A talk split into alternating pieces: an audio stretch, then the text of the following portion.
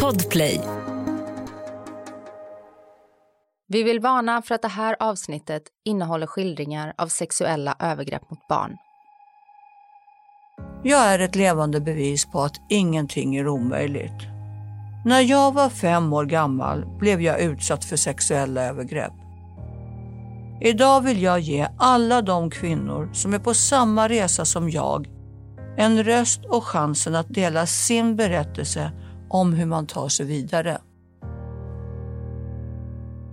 I avsnitt två av Den nakna sanningen fick vi träffa Kristoffer Ram som är forskare vid Karolinska institutet och cheföverläkare inom psykiatrin. Jag har bjudit tillbaka honom för att prata två självhjälpsprogram för personer i riskzonen att begå övergrepp mot barn som han och hans team lanserar innan sommaren. När man träffar de som är i fängelse som är dömda för övergrepp, när man pratar med dem där, då säger en majoritet av dem att hade det funnits en möjlighet för mig att ta hjälp innan jag gjorde det här, så skulle jag gjort det. Det här är säsongens sista avsnitt och det känns både fint och viktigt att runda av med en av landets främsta forskare inom pedofili och få höra mer om hans arbete med att förebygga sexuella övergrepp mot barn.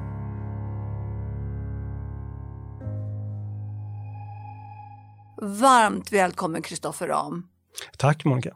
Det är ju andra gången du är här och jag är jätteglad att du faktiskt vill vara med på det sista avsnittet som vi ska ha nu för den här säsongen. Tack för att jag får komma igen. Det känns jätteroligt att få vara tillbaka här. Vi hade ju ett jättebra samtal sist, men nu ska vi blicka framåt. Det gör vi. Mm. De som inte vet vem du är, skulle du kunna berätta vad det är du gör och vad du jobbar med? Ja, men jag jobbar med att försöka förebygga övergrepp mot barn. Eh, det är, det är det jag gör liksom i min forskning. Jag är forskare och så är jag läkare i grunden. Eh, och det vi gör, jag och mitt team och våra samarbetspartner runt omkring i världen, det är att vi försöker nå ut till personer som är i riskzonen för att begå övergrepp mot barn. Och så fångar vi upp dem på olika sätt och eh, genom olika behandlingar testar om vi kan få bort dem från brottets bana så att säga och hjälpa dem få en hälsosam sexualitet som är laglig och där inga kommer till skada.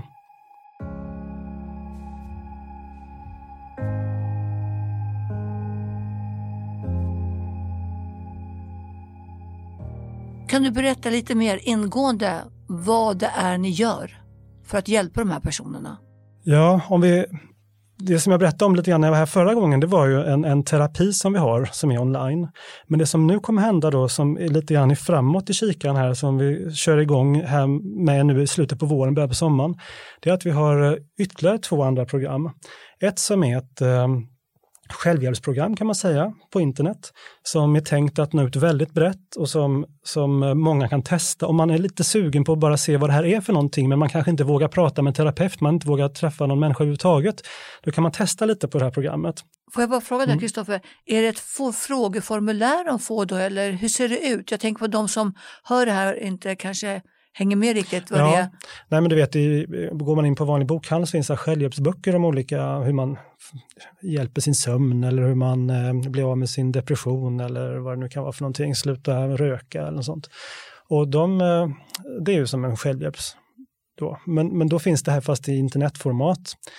Eh, och så utvärderar vi det forskningsmässigt. Eh, man kan också få, om man går sådana självhjälpsprogram, kan man också få liksom, hjälp av en terapeut om man kör fast till exempel, men man kan också gå igenom det utan att prata med någon alls.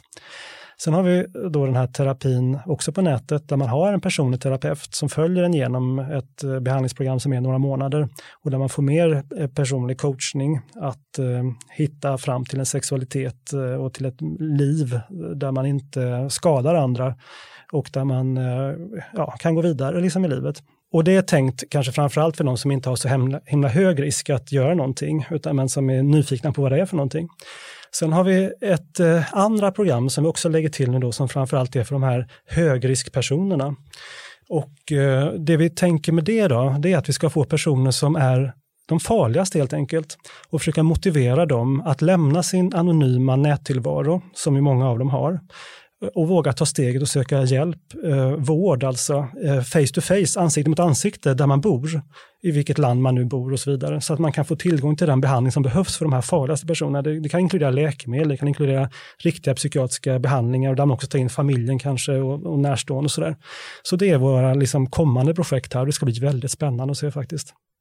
Jag tänker på de här som ska göra face to face. Mm. Många är ju rädda att gå ut och visa sitt ansikte.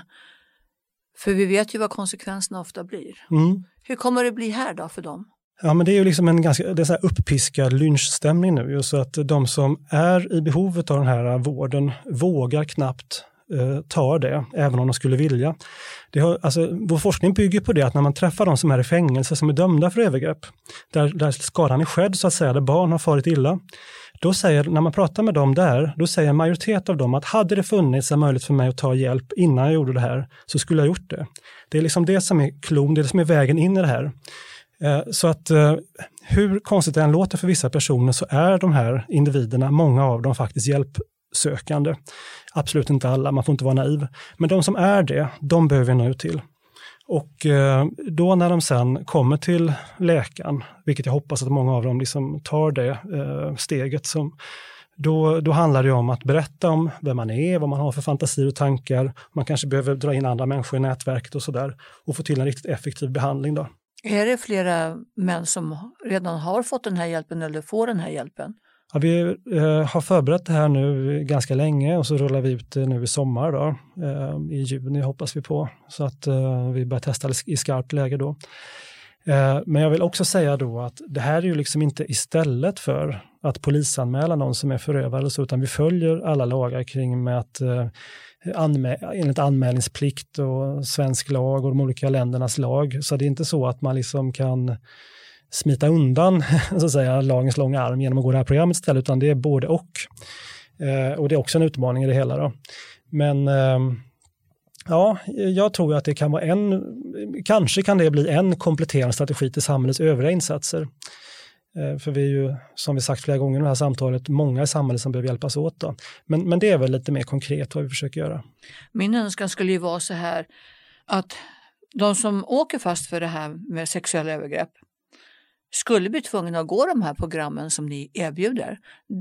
Jag tycker det skulle vara absolut ett måste. Och vill de inte det, ja då får de väl sitta inne tills de gå med på att söka hjälp.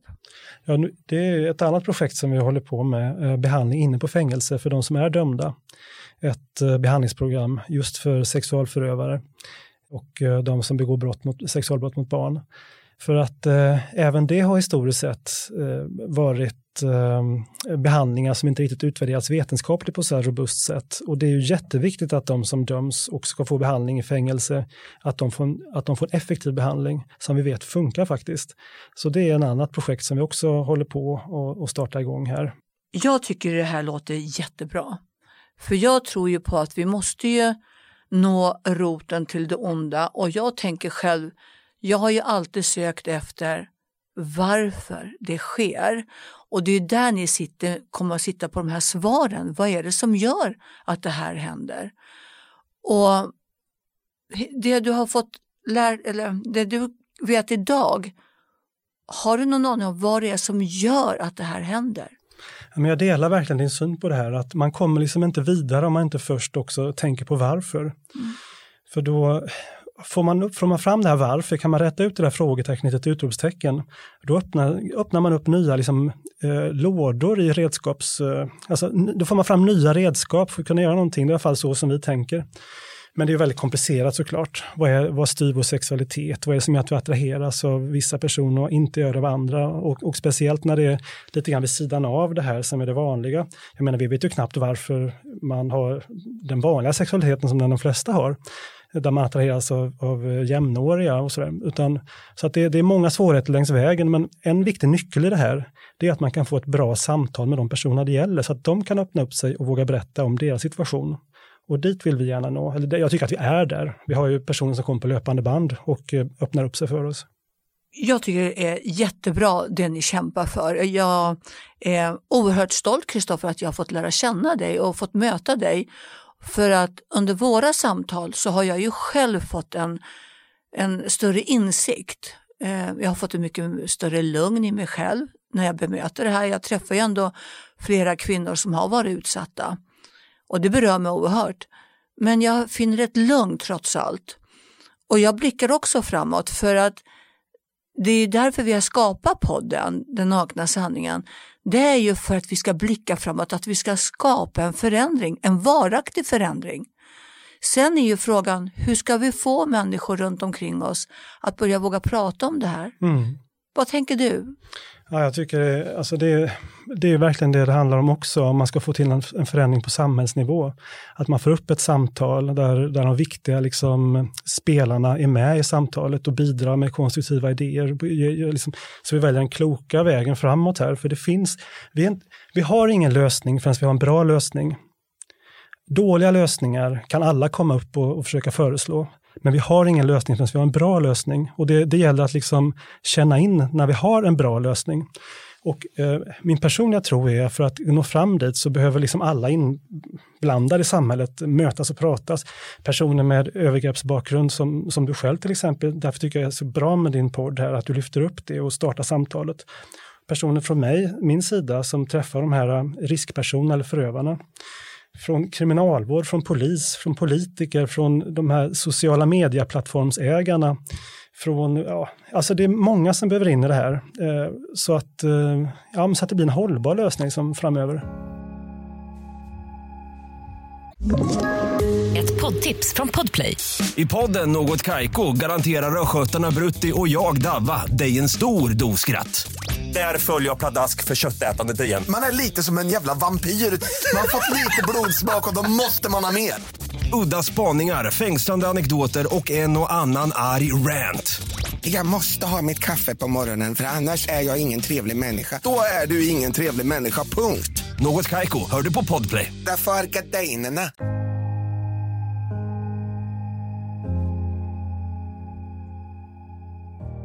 Vi satt och diskuterade lite här innan vi satte oss här i studion.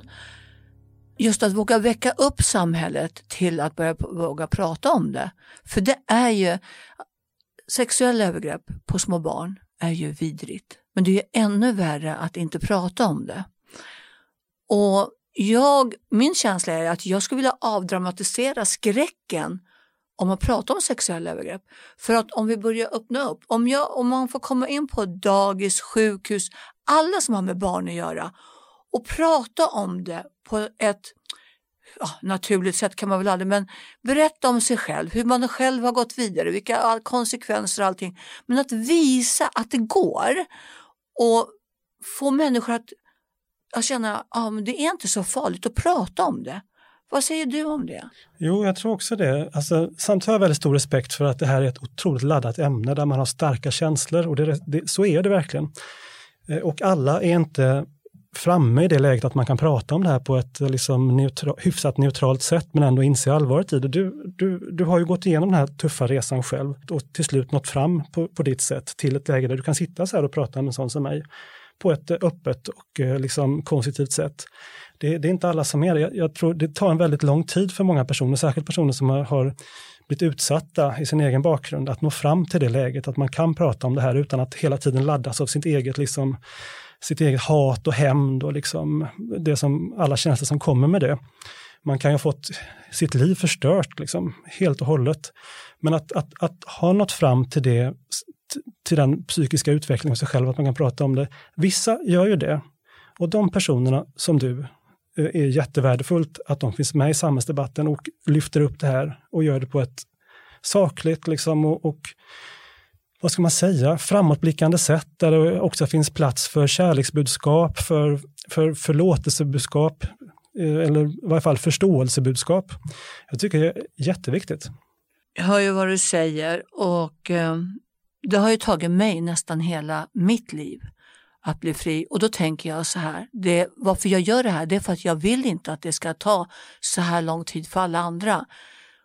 För jag tror ju på att om vi öppnar upp för det här, då kommer vi ju snabbare reflektera, vi kommer att se signalerna på våra barn. Vi kan ju snabbare då eh, hjälpa detta barn.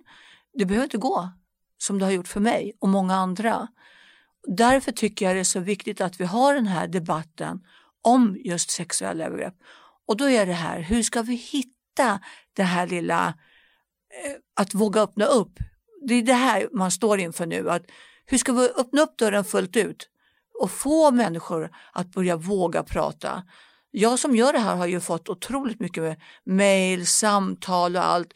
Hur viktigt de tycker det här är, hur tuff jag är som vågar lämna ut mig själv och allt det här. Jo, men jag, jag gör ju inte det för min skull. Jag gör ju det för alla andra. Precis som jag vet att du Kristoffer, du gör ju det här för att hjälpa framtiden. Jo, det är så och eh, då tror jag att man ska inte underskatta den här liksom betydelsen av att det finns förebilder. Om, om det är, går runt unga människor som har den här historien och försöker hitta en väg framåt i det här. Många, de där resorna är ju väldigt ensamma för många personer. Man liksom, hur, ska, hur, ska, hur ska jag ta hand om det här som jag har varit utsatt för? Hur ska, hur ska jag gå vidare i livet? Och så hör man då någon som träder fram i media och berättar sin historia och berättar att det finns liksom en framtid för en själv. Det, man kan nå fram, man kan liksom rädda tillbaka sitt liv, man kan få ett värdigt, meningsfullt liv med de här erfarenheterna till, till trots. Det där är jätteviktigt tror jag och att, att personer som du då går fram liksom i, i, i, genom mediebruset och berättar det. För att det tycker jag om man ser liksom historiskt, om man kollar på metoo till exempel. Det var ju jätteviktigt med vilka som trädde fram och berättade sin historia där. Det gav ju kraft och liksom till en hel rörelse.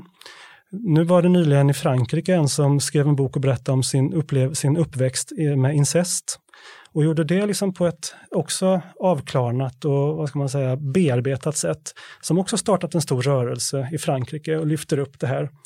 Så att eh, ingen kan göra allt, men, men vissa kan göra något. Och det som du gör med den här podden tycker jag är just det, att jag hoppas att den når ut då till personer, inte minst personer som går runt och funderar på hur ska, hur ska jag se på det jag varit med om, eller det som min syskon har varit med om, eller min kusin eller min vän, eller eller någonting eh, som man har nära till. Hur, hur, ska jag se på det? Och så hör man dig berätta om, om att man kan komma igenom tunneln på andra sidan och liksom få ett positivt budskap. Jag tror det kan, det, det är en chans att en sån gnista kan tändas till liksom en stor eh, till något stort och viktigt. Jag försöker också ärligt talat någonstans tänka så när jag pratar, eh, som nu med dig här, och jag vet att andra kommer lyssna på det. Jag tänker att Ja, ord spelar roll, vilka ord man använder. Eh, vissa ord piskar upp, eh, piskar på våldsspiraler, andra ord kan hjälpa till någonting konstruktivt istället. Eh, och ja, det, det, är ett ansvar som vi som engagerar oss i det här har tycker jag, att liksom tänka på det sättet också. Det är därför vi gör den här podden. Hit kommer det ju kvinnor som berättar hur de har varit utsatta för sexuella övergrepp, vilka konsekvenser de har fått gått igenom, men också det positiva, vilket liv de har idag. Så det är det här vi ska försöka sprida att även fast man har varit med om något så fruktansvärt och det har kostat på en, absolut. Och det har tagit många år för de flesta att komma ut på andra sidan. Men det går. Och det går att få ett värdigt liv, det går att få tillbaka människovärdet, det går att börja älska sig själv. Och vad vi inte ska glömma bort, det är det här med skam och skuld. Vi har ju burit skammen och skulden, men det är inte vi som ska bära den. Det är förövaren. Det är där den hör hemma. Kan vi bryta skammen och skulden, då har vi vunnit 75 procent anser jag. Mm. Vad tror du? Jo, men det här är liksom vålds, våldsspiraler som, som sprider sig och som upprepar sig och som, som drabbar nya människor hela tiden.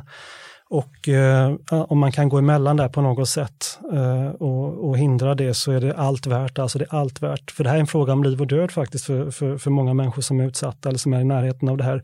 Jag träffar också de som sitter och, och funderar på att ta livet av sig för att de ens har de här funderingarna hos sig.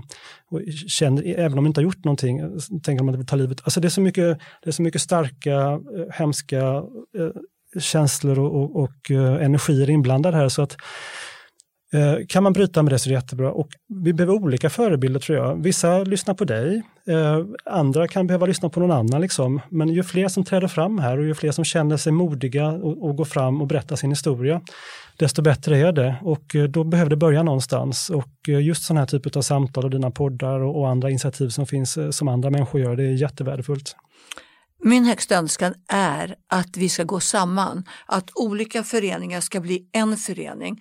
För vi har ju ändå jobbat med det här i många år och blickar jag tillbaka 63 år, då hade vi inte den här, att det var så upplyst som det är idag. Och ändå så tycker jag någonstans att vi står och stampar på samma ställe. Och då tänker jag så här, vi är ju många olika föreningar, det finns.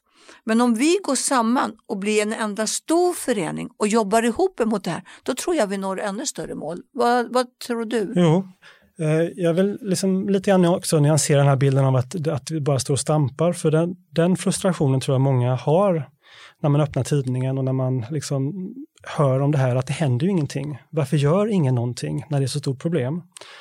Men jag, jag tycker ändå, jag är ute i en del sammanhang, jag eh, samarbetar med forskare i olika länder, jag träffar de som tar initiativ på EU-nivå, på nationell nivå, på olika lokala nivåer, det finns olika föreningar och läkare och ja, det, jag skulle faktiskt vilja försöka ändra den bilden lite grann, att det är väldigt många som arbetar med den här frågan. Kanske i det tysta då, kan man säga i och för sig. Men det är jättemånga som engagerar sig otroligt mycket i det här. Eh, så att jag, jag, går inte riktigt med på det här narrativet att ingen gör någonting så nu måste någon göra något. Liksom. Mm. I varje fall inte med den utblicken jag har. Därmed inte sagt att, att de initiativen som fortsätter tas är, är mindre värda eller någonting, tvärtom. Men, men jag delar inte den här bilden av att ingen gör något, för att det, det är faktiskt många som kämpar stenhårt liksom, på olika myndigheter och olika, på olika håll i, i samhället. Eh, och, och de, men eftersom det är som du säger att man inte har en allmän diskussion om det så kommer ju inte de sakerna fram heller. Det är ju ingenting som, om du förstår, liksom när man sitter och, och pratar på middagar eller i skolan, i undervisningen eller i, du vet, i väntrummen på många psykologmottagningar så, så hänger lappar om du är utsatt för våld i nära relation eller någonting, eh, så ta upp det. Eller här kan du ringa då och så. Men det här med om man är utsatt för sexuella övergrepp som barn, sådana lappar finns ju till exempel inte hos skolsköterskan. Eller lappar om, har du tankar om, om sexuellt om barn, eh, ta den här lappen och, och då kan du vända hit och hit. Det där finns liksom, så att jag, jag tror på att både förstå att många gör väldigt mycket, men också att diskussionen inte finns där i samhället riktigt. Och det är viktigt. Ett poddtips från Podplay. I podden Något Kaiko garanterar östgötarna Brutti och jag, Davva, dig en stor dos skratt. Där följer jag pladask för köttätandet igen. Man är lite som en jävla vampyr. Man har fått lite blodsmak och då måste man ha mer. Udda spaningar, fängslande anekdoter och en och annan arg rant. Jag måste ha mitt kaffe på morgonen för annars är jag ingen trevlig människa. Då är du ingen trevlig människa, punkt. Något kajko, hör du på podplay. Därför är gardinerna.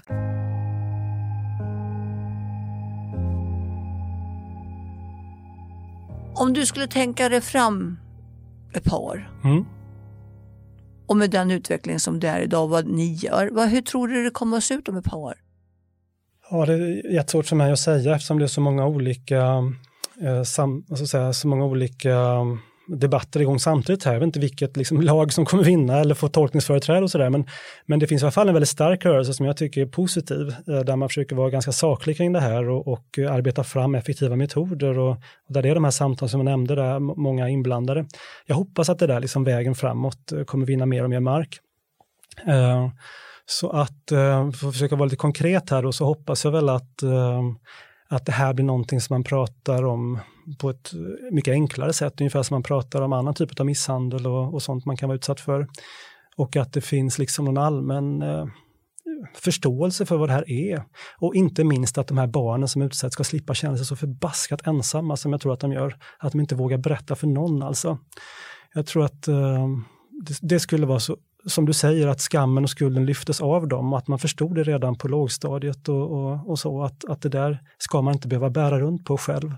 Att det når ända ut liksom i samhällets eh, delar på det viset. Det tycker jag vore fantastiskt om det kunde bli så. Där kan jag komma in och säga att jag önskar inget högre, för är det någonting jag har gjort så har jag ju känt mig ensam hela livet. Mm. Jag var själv. Och jag, jag låg och tänkte på det igår inför vårt samtal här idag så var, var det bara två år sedan jag fick höra ifrån en som var nära familjen. Och då säger hon till mig att jo men vi misstänkte att det var någonting med morfar och vi mm. misstänkte det här och det. Ja men det var ingen som gjorde någonting. Och ändå så gav jag alla signaler ett barn kan ge. Och hur många barn gör inte det? Och hur många blundar inte Mm. för att skammen och skulden är så stor? Och det är det här jag då vill avdramatisera som jag säger. Att vi ska kunna prata om sexuella Mm. övergrepp utan att vi ska känna skam och skuld. Jag menar, sexuella övergrepp är ju tyvärr jättenormalt idag. Mm. Det händer ju så mycket runt omkring oss, det vet vi ju. Så Men det är också så här, ty, tycker jag att liksom ett barn i nuläget som har varit utsatt för någonting, kanske inom familjen eller inom den nära kretsen, eh, tror jag har väldigt svårt att våga säga någonting om det. Om det blir polisförhör eller om det blir något samtal med någon. För de är också rädda för vad som kommer hända med förövaren, tro det eller ej. Men de är liksom hotade till att inte säga någonting för de är så rädda för vad som kommer hända med förövaren. För att då blir det, det är inte bara omtanke om den på ett så här lite barn, naivt, barnsligt sätt om man säger, man kanske är sammanlänkad i släkt eller någonting, utan det är också för att man är rädd för att om den då drabbas av de här konsekvenserna, då kommer det slå tillbaka på dem själva en gång till. Och vad kommer hända då? Kommer jag bli, eh, tänker barnet kanske utan, då kommer jag placeras i någon fosterfamilj eller då kommer jag liksom behöva ja, vad nu, byta skola, behöva flytta. Vad, vad händer om jag vågar berätta någonting? Eh, vad finns där för mig, undrar nog barnet.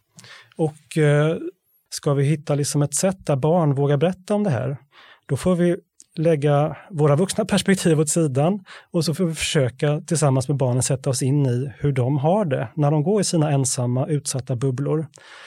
Och eh, det kan till exempel vara så att vi behöver hjälpa dem att få låga trösklar att kunna ta upp det här. Ja, om det är med skolkuratorn eller om det är med eh, andra ansvarskännande vuxna och att, att de får berätta om det på ett sätt som passar dem. Där tycker jag samtalet behöver börja på något sätt med den saken. Eller vad tycker du? Jo, men det håller jag med om. Samtidigt så känner jag så här att då är det ju så viktigt att förskolorna, skolorna, att alla de som jobbar med barn vet hur de ska bemöta och lära sig att se signalerna. Men Precis. framförallt, hur bemöter jag det här lilla barnet utan att det blir Ja, jag har fått veta det här, men nu måste jag ringa socialen. Så ringer de socialen, det blir en orosanmälan, så blir SOS inkopplade. Mm. Det är det här vi måste hitta en bra väg för det här lilla barnet. Mm. Precis, jag håller med dig helt och hållet. Eh, och eh, hur får man alltihopa det där som, som SOS-anmälan är till för och liksom alla samhällets insatser? Hur, hur får man till det där på ett bra... Ja, det finns ju de här fantastiska svenska initiativen med barnahus där, där barn kan få träffa riktigt professionella liksom, vuxna människor från olika delar av samhället, polis och åklagare och liksom, socialtjänstpersonal eh, och, och, och psykologer och allting. Men, och det där är ju bra och den tanken liksom behöver sprida sig mer och kanske utvecklas ännu mer tror jag. Um, men ah, som sagt, det är svårt, jag sitter inte på svaren här. Men den gruppen som jag träffar mycket, det är också de som har fantasier om sexuella fantasier om barn eller romantiska fantasier om barn.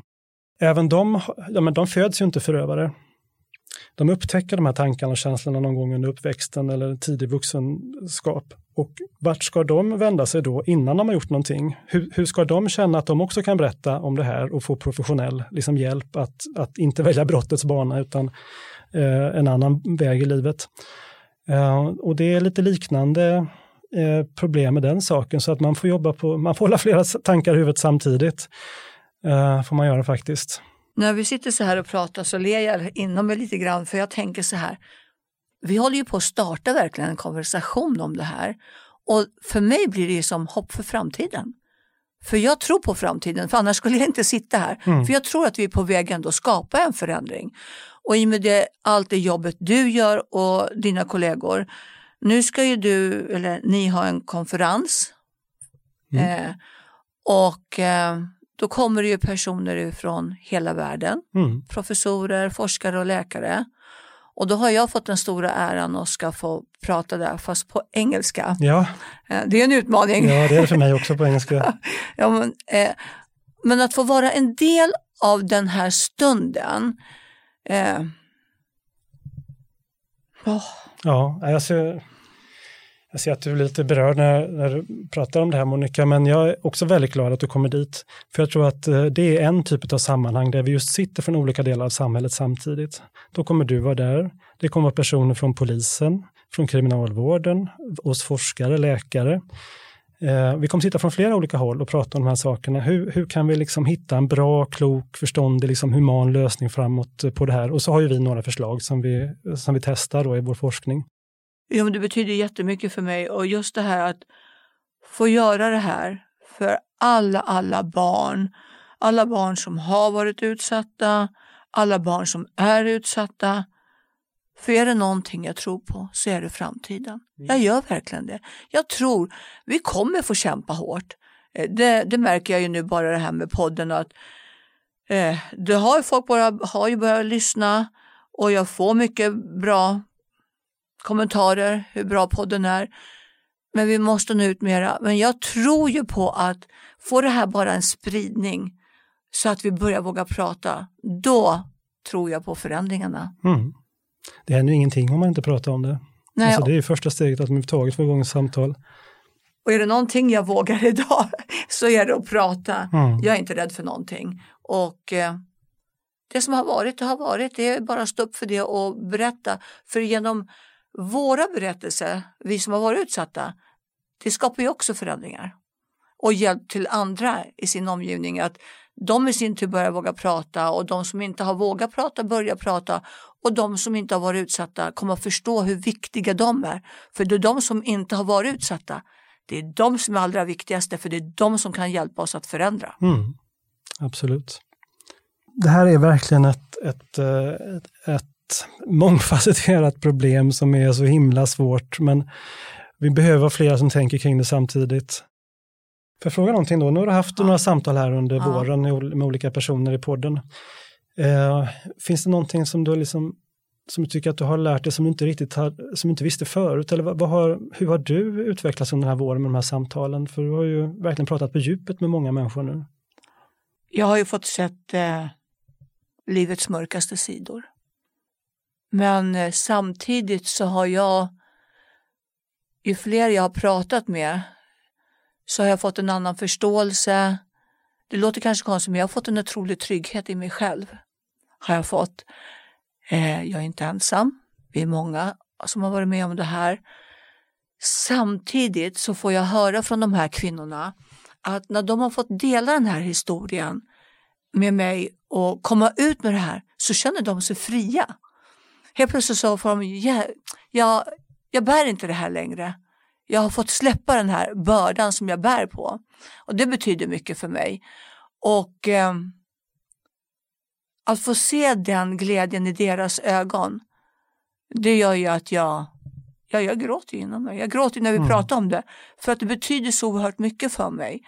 Att få se och, och få känna deras glädje att wow, jag är äntligen fri. Jag har fått släppa det här, jag har fått dela med mig. Och Det är väl ett av det finaste man kan få göra, mm. att uh, få ta med en människa i ett samtal som har legat så djupt i henne och nu får hon äntligen släppa det. Och ja, mm. jag, har blivit, jag har blivit mogen och jag har blivit mycket klokare och visare. Mm. Det känner jag. Och jag har väl fått ännu mera glöd för att kämpa för det här. Och nu gråter jag för att det här ligger så varmt om hjärtat. Jag kommer mm. aldrig ge mig. Aldrig. Vi ska skapa den här förändringen och vi ska göra det tillsammans. Mm. Jag har ju hängt med dig ett, ett bra tag nu. Och jag har ju lärt mig mycket. Jag har ju pratat med någon kollega till dig och det så jag vet ju en hel del. Och jag måste ju säga med min erfarenhet att ni är vårt framtida hopp, det ni gör. Ja, det är jätte, jag blir jätteglad när du säger så, Monica. Jag, jag, jag, känner också att det finns liksom ganska mycket förväntningar knutna kring det här. Och att det kan vara ett sätt att tända liksom hoppets lyktor i det här kompakta mörkret. Det som vi håller på med då, att förebygga så att, så att skadan inte inträffar. Att man kommer in innan någonting har hänt överhuvudtaget. Och det är vad vi hoppas på. Men det är också jätteviktigt att säga så att det här är forskning. Eh, vi vet, alltså vi håller på att utvärdera det här. Det kan vara så att vi kommer fram till att en del av de här programmen som vi testar nu inte funkar faktiskt. Och då måste vi ha det den liksom självförtroendet och vara så rakryggad att då säger vi så här, nej, det funkar inte, då ska vi inte köra vidare med det. Och då tar vi tillbaka det och testar något annat istället.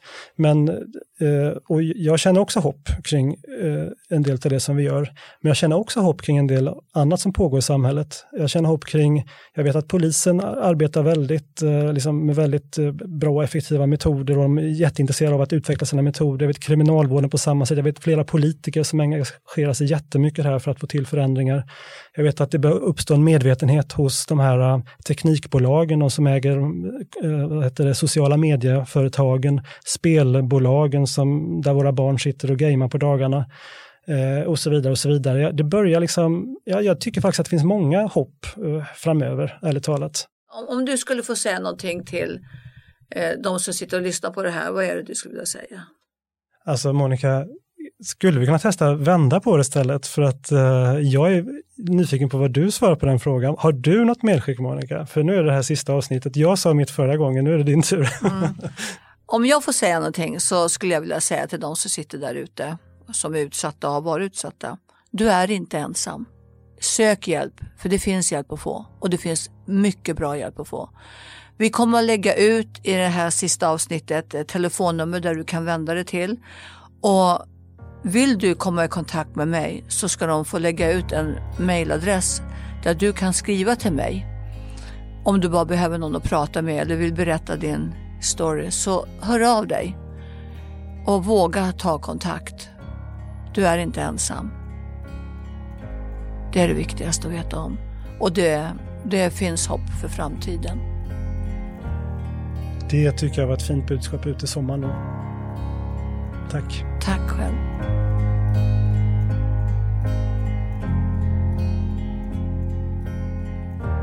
Om du vill prata med någon om dina upplevelser eller har frågor om våld i nära relationer och sexuella övergrepp kan du kontakta Kvinnofridslinjen på nummer 020 50 50 50. Detta är en produktion av Fuse PR och Gabardin för Podplay. Producenter Anna Hegerstrand och Sofie Brussell. Klippning Ludvig Sjöström. Exekutiv producent Jonas Lindskog. Podplay, en del av Power Media. Ett poddtips från Podplay. I podden Något Kaiko garanterar östgötarna Brutti och jag, Davva, dig en stor dos skratt. Där följer jag pladask för köttätandet igen. Man är lite som en jävla vampyr. Man har fått lite blodsmak och då måste man ha mer. Udda spaningar, fängslande anekdoter och en och annan arg rant. Jag måste ha mitt kaffe på morgonen för annars är jag ingen trevlig människa. Då är du ingen trevlig människa, punkt. Något Kaiko, hör du på Podplay. Därför arkadeinerna.